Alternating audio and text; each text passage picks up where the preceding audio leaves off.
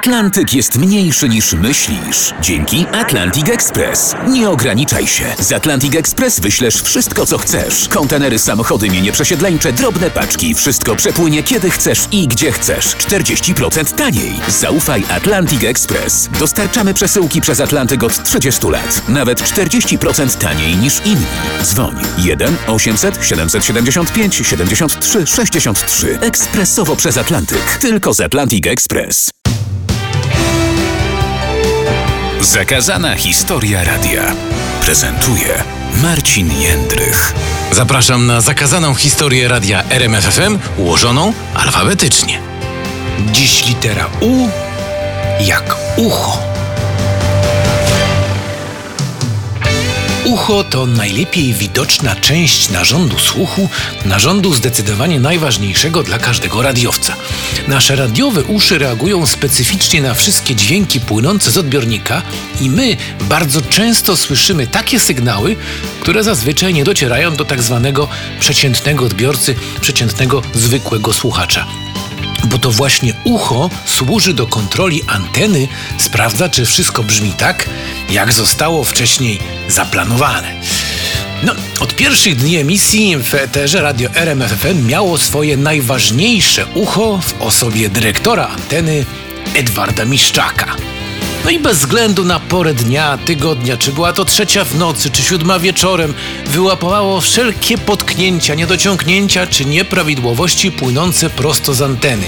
Ucho zawsze wiedziało, kto i kiedy się spóźnił albo coś zawalił.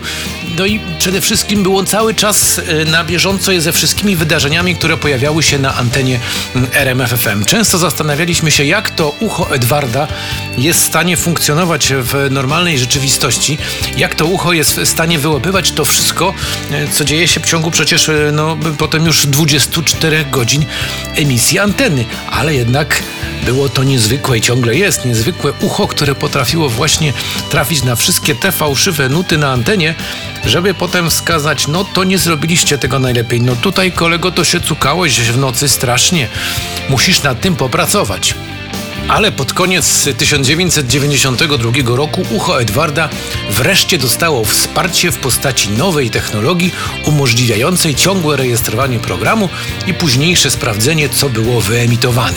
Tutaj dochodzimy do takiego momentu, kiedy właśnie w reżyserce radiowej pojawił się e, taki magnetowid e, wypasiony chyba firmy JVC, e, który miał możliwość, być może niektórzy będą kojarzyli nawet na czym polega ta zabawa, tak zwanego nagrywania w wersji long play, czyli na przykład kaseta, która miała e, 4 godziny VHS e, w wersji longplay, można było na niej nagrywać 8 godzin. I to było bardzo praktyczne, bo dzięki temu, jak łatwo policzyć, na każdą dobę potrzeba było tylko trzech kaset wideo w wersji longplay, żeby zarejestrować całość tego, co działa się na antenie. Ale oczywiście do tego dochodził jeszcze czynnik ludzki, istotny czynnik ludzki, e, bo ktoś musiał te kasety o odpowiedniej godzinie po prostu zmienić. Zasada była taka, że kasety zmieniało się, dobrze pamiętam, o 8, 16 i 24 to było tak mniej więcej w czasie zmian e, programowych, po to też, żeby oczywiście jakoś sobie łatwiej to uzmysłowić i zapamiętać. E, no ale też wiadomo, że zdarzały się wypadki, jak to w życiu, jak to u ludzi, jak to u każdego, coś się działo w programie, ktoś zapomniał, no i potem kaseta się skończyła, program się nie nagrywał.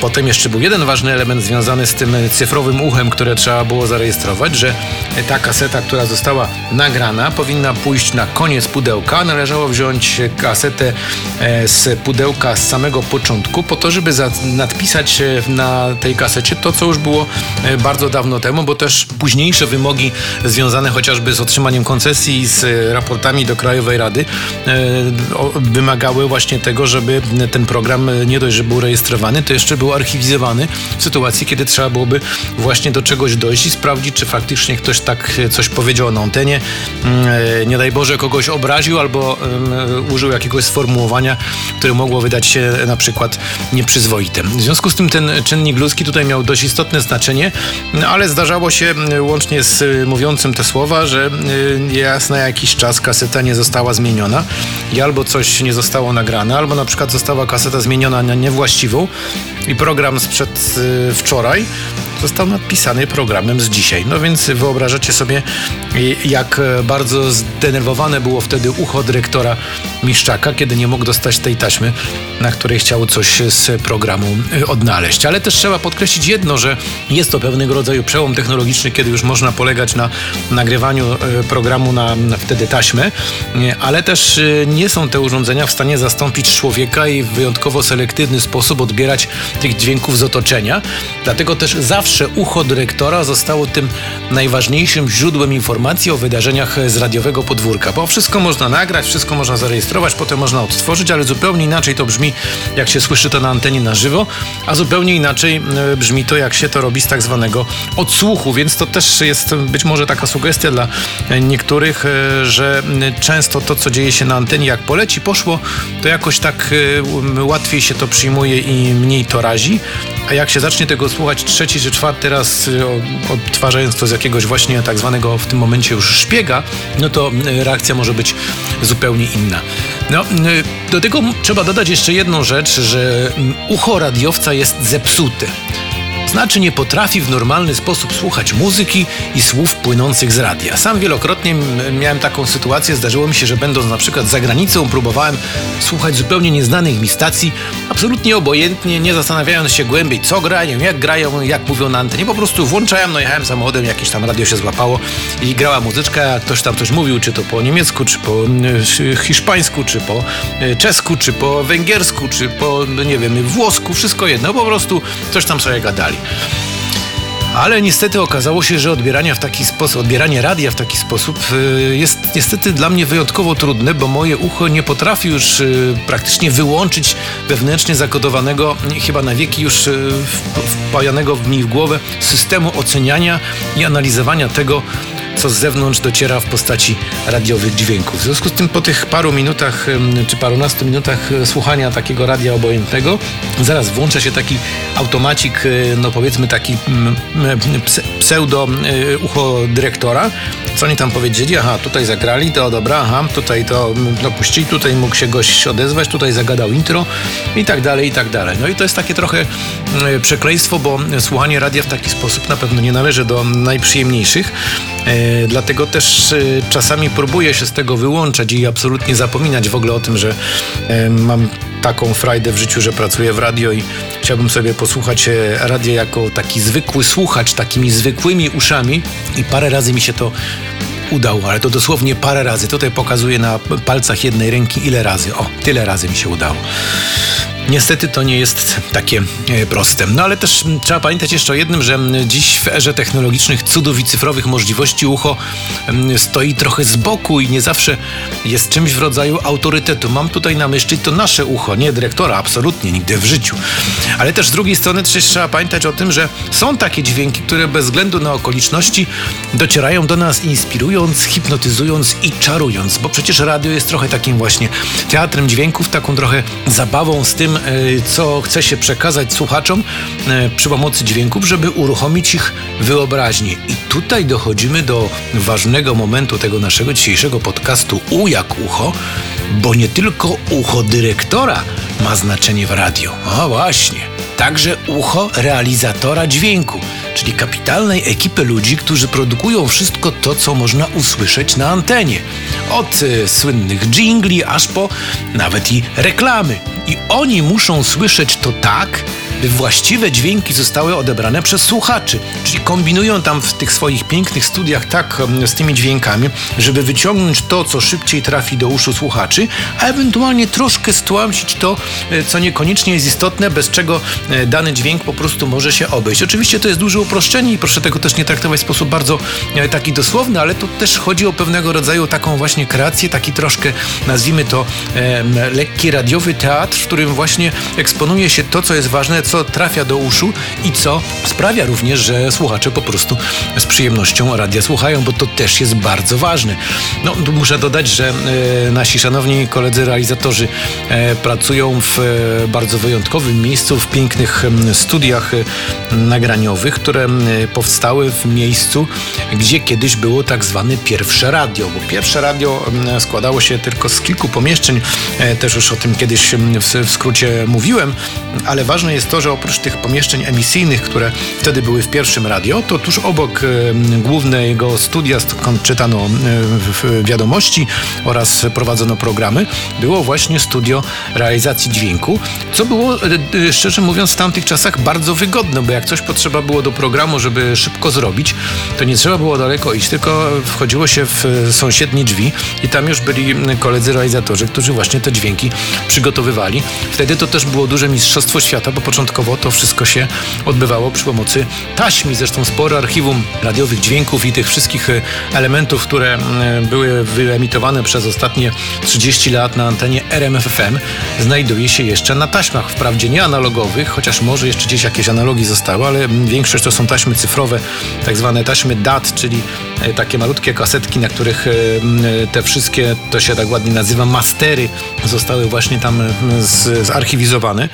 I czasem jak trzeba e, coś odszukać sprzed kilku czy kilkunastu lat, no to właśnie można do takiego mastera się dostać. No, zaletą tych kaset cyfrowych jest to, że e, one raczej są dość pewne, jeśli chodzi o utrzymanie tego e, nośnika i szansa, że coś się złego wydarzy, to raczej chyba tylko mechaniczne uszkodzenie mogłoby sprawić, że nie dałoby się tego dźwięku odtworzyć. No i potem po przejściu radia na pierwsze piętro zostały na dole pomieszczenia po tej właśnie pierwszej reżyserce i po tych e, pierwszym newsroomie i tam e, e, prezes Steczyński zdecydował, że powstanie duże studio nagraniowe, ale nie na jednym poziomie, tylko na dwóch poziomach. I w związku z tym z poziomu, nazwijmy to minus jeden, który faktycznie nigdy nie istniał, to taka dygresja teraz tutaj mogę to powiedzieć przy okazji ucha, prawda? Nic się chyba nie stanie. E, poziomu minus jeden, który faktycznie nie istniał, został stworzony ten poziom minus jeden, wyciągnięto, wygrzebano ziemię z fortu, która była, nazwijmy to, fundamentach, czy też w miejscu, gdzie po prostu posadowiono ten fort e, przez, e, posadowiony został fort przez Austriaków.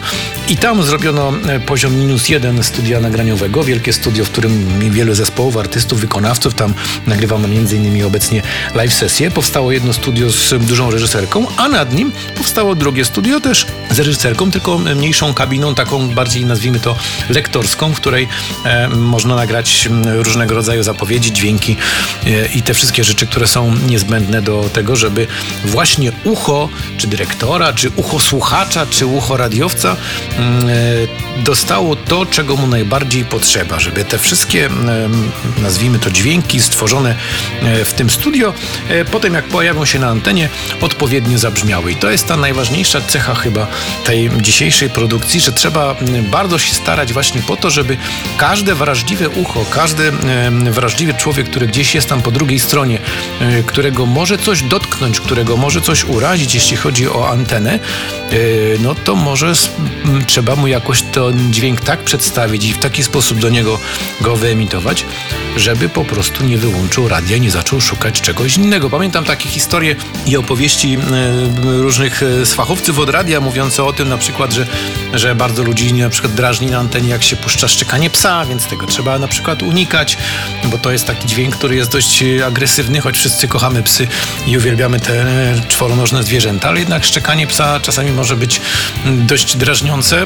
Czasami też się zdarza tak, że pewne dźwięki są w reklamach, które mogą wydawać się y, uszom wrażliwym y, nieco nieprzyjazne, czy też nie do zaakceptowania. Ale też proszę pamiętać, i to jest taka ważna uwaga y, dla wszystkich, którzy słuchają radio, że za treść ogłoszeń redakcja nie odpowiada. To jest takie hasło bardzo aktualne i bardzo znane od, od lat, y, co oznacza, że jeżeli reklamodawca wymyślił sobie, że taki oto dźwięk chciałby w reklamie użyć, y, nawet pomimo sugestii ze strony naszych specjalistów, że on nie do końca może zostać dobrze odebrany, ale jeśli się decyduje, no to, no to gramy, proszę bardzo. Chce pan? Niech pan ma. Zobaczymy, co zrobią w związku z tym uszy potencjalnych e, odbiorców reklamy. A zatem, e, proszę Państwa, drodzy słuchacze, e, mili sympatycy podcastu Zakazana Historia Radia, w dzisiejszym podcaście zwróciłem Waszą uwagę na ucho i jestem przekonany, że jeszcze raz do tego ucha dotrą dźwięki, które na pewno dadzą Wam frajdę i satysfakcję. Najbliższa porcja dźwięków już niebawem w kolejnym odcinku zakazanej historii radia to będzie litera V jak Volkswagen. Do usłyszenia.